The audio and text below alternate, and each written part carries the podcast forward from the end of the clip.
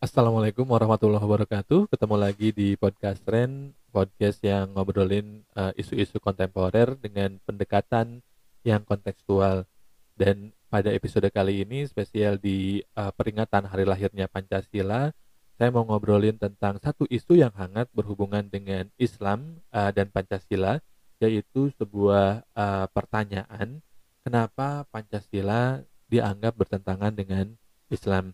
Jadi saya tidak akan mencoba menjelaskan benarkah Pancasila bertentangan dengan Islam, tetapi saya mau ngasih uh, sudut pandang baru tentang kenapa kemudian pertanyaan benarkah Pancasila bertentangan dengan Islam itu muncul dan bahkan menguat setidaknya dalam 5 sampai 10 tahun terakhir. Uh, padahal kalau misalkan kita lihat sesungguhnya Pancasila ini sangat seiring sejalan atau selaras dengan dengan Islam. Misalkan sila pertama ketuhanan yang Maha Esa itu selaras banget dengan uh, prinsip ketauhidan uh, dalam Islam. Kemudian sila kedua membicarakan soal ukhuwah basyariah, kemanusiaan yang adil dan beradab serta ahlakul karimah bagaimana sebagai manusia kita tidak hanya bisa menjaga ukhuwah kemanusiaan kita tetapi bagaimana kita juga bisa mengekspresikan kemanusiaan kita dengan akhlak yang uh, terpuji. Innama bu'itsu liyutammima makarimal ahlak Rasul menegaskan bahwa pengutusan beliau itu uh, bertujuan atau outcome yang ingin dicapai salah satunya adalah membuat akhlak manusia menjadi lebih uh, mulia. Kemudian sila ketiga persatuan Indonesia kita berbicara soal ukhuwah watonia atau uh, persatuan atau kecintaan yang ber, menjadikan kemudian uh, persaudaraan uh, sesama satu bangsa atau satu negara. Dan uh, ini kemudian mengerucut atau berhubungan dengan hubul waton yang di di apa ya diyakini atau ditegaskan sebagai bagian dari iman. Uh, dan kita juga bisa melihat dalam sejarah bagaimana Rasul sangat mencintai Mekah sehingga ketika Rasul terpaksa dalam tanda kutip hijrah Rasul bilang wahai Mekah jika saja mereka kaum kafir Quraisy tidak memaksaku meninggalkanmu maka aku tidak akan meninggalkanmu Nah, seperti itu. Kemudian sila keempat tentu saja ini berhubungan dengan musyawarah dan musyawarah adalah salah satu pilar yang sangat penting dalam uh, proses dakwah Nabi bahkan Nabi sering mengajak para sahabat untuk bermusyawarah untuk memutuskan berbagai macam persoalan um, dan Nabi sering kali mengakomodasi juga pendapat-pendapat para sahabat salah satunya adalah Nah, ketika Nabi mengakomodasi usulan membuat parit ketika terjadi perang Khandaq. Sila yang kelima, keadilan sosial bagi seluruh rakyat Indonesia itu berhubungan dengan outcome yang ingin dicapai dari sikap tidak atau sikap tegak lurus, tegak integritas ke atas dan lurus uh, integritas kepada manusia. Sehingga dari sikap iktidal tadi kemudian diharapkan manusia bisa mampu menghadirkan keadilan sosial. Tidak hanya bagi dirinya sendiri tapi bagi sebanyak mungkin orang. Dan Allah menegaskan idilu wa aqrabu taqwa. Berbuat adillah engkau karena sesungguhnya adil itu adalah uh, bagian atau mendekatkan engkau kepada ketakwaan. Seperti itu nah dari nilai kita melihat banyak sekali keselarasan antara Islam dan Pancasila. Kemudian kita juga bisa melihat bagaimana proses perumusan Pancasilanya pun sebetulnya uh, sangat religius gitu. Kalau misalkan kita ingat uh, cerita tentang bagaimana Soekarno sampai pada kesimpulan Pancasila, itu Soekarno menjelaskan bahwa sebelum besoknya beliau yakin soal Pancasila sebagai falsafah negara, beliau bertahajud dulu, berdoa, berdoa dulu, kemudian memohon petunjuk sehingga kemudian Pancasila dalam konteks ini lahir dari suatu proses yang sangat religius, yang sangat mengedepankan aspek-aspek spiritualitas.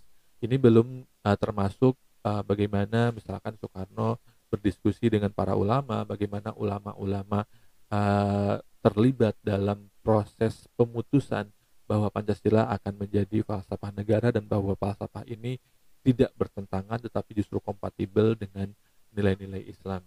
Nah, jika demikian, kenapa kemudian uh, banyak muncul pertanyaan tentang uh, bahwa Pancasila itu bertentangan dengan Islam. Kenapa muncul proses dialektika tersebut? Bagi saya setidaknya ada empat alasan. Yang pertama, karena Pancasila tidak secara eksplisit mengutip ayat-ayat Al-Quran. Sebetulnya tidak ada masalah apa pun dengan dengan ini, tetapi dengan adanya penguatan Islam yang ultra konservatif, yang kemudian menerjemahkan Islam secara tekstual, maka ada kecenderungan untuk melihat Pancasila tidak kompatibel dan tidak selaras dengan Islam hanya karena Pancasila tidak mengutip potongan-potongan ayat atau prinsip-prinsip Islam secara eksplisit dan literal. Jadi ini tidak menunjukkan bahwa Pancasila salah, tetapi ini menunjukkan bagaimana proses berpikir sehingga kemudian sebagian kalangan menganggap Pancasila bertentangan dengan Islam. Nah, yang kedua, ini berangkat dari pendapatnya Buya Syafi'i Ma'arif, ada masa lalu yang belum selesai antara kalangan nasionalis dengan kalangan agamis yang berakibat pada dekrit uh, Presiden Soekarno pada tahun 55.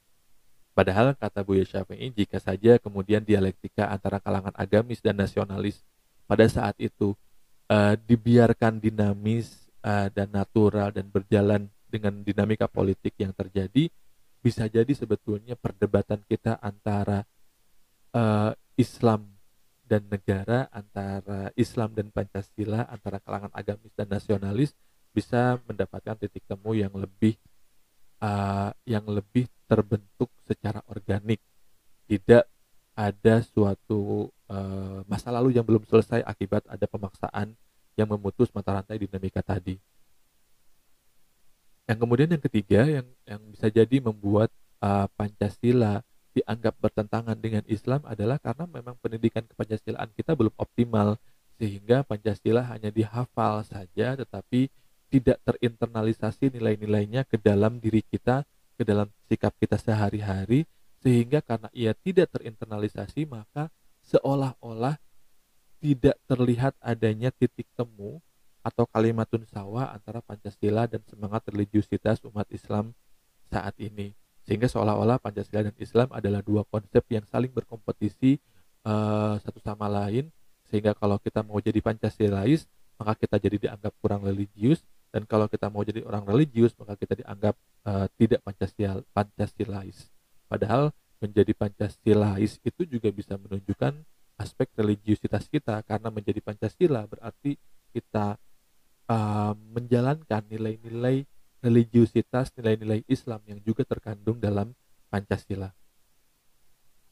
Yang ketiga, yang keempat, uh, alasan kenapa kemudian uh, Pancasila dianggap bertentangan dengan Islam karena memang ada upaya terstruktur uh, mentogutisasi Pancasila sebagai bagian dari kampanye NKRI bersyariah atau kehalifahan.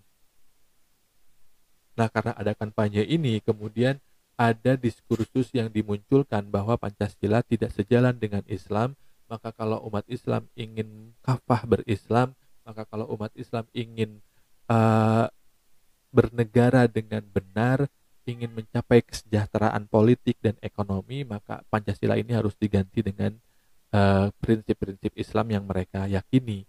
Nah, dalam konteks ini sebetulnya ada dua hal. Ada yang meyakini Pancasila tidak Islami sama sekali, ada yang meyakini Pancasila kurang islami. Nah, yang meyakini Pancasila tidak islami sama sekali ingin mengganti Pancasila dengan kekhalifahan.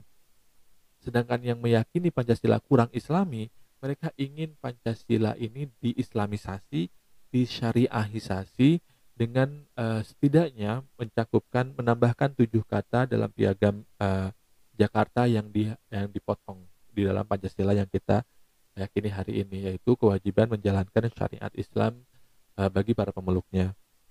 Walaupun juga tidak bisa kita pungkiri bahwa dinamika pemotongan tujuh kata ini adalah bukan berangkat dari diskriminasi non muslim tetapi berangkat dari kesadaran uh, para pemikir Islam pada saat itu yang tidak menginginkan kemayoritasan muslim menjadi wasilah terjadinya diskriminasi terhadap minoritas dan ini berangkat dari semangat juga piagam Madinah yang sangat mengakomodasi uh, keberagaman di masyarakat Madinah pada saat itu.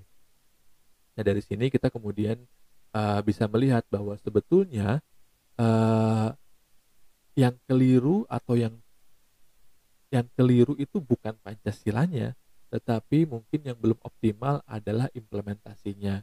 Sehingga dari kebelum optimalnya eh, implementasi Pancasila itu muncul ketidakpuasan-ketidakpuasan yang ketika ketidakpuasan itu kemudian lari kepada semangat beragama, muncul gagasan bahwa Pancasila ini tidak sesuai dengan semangat beragama.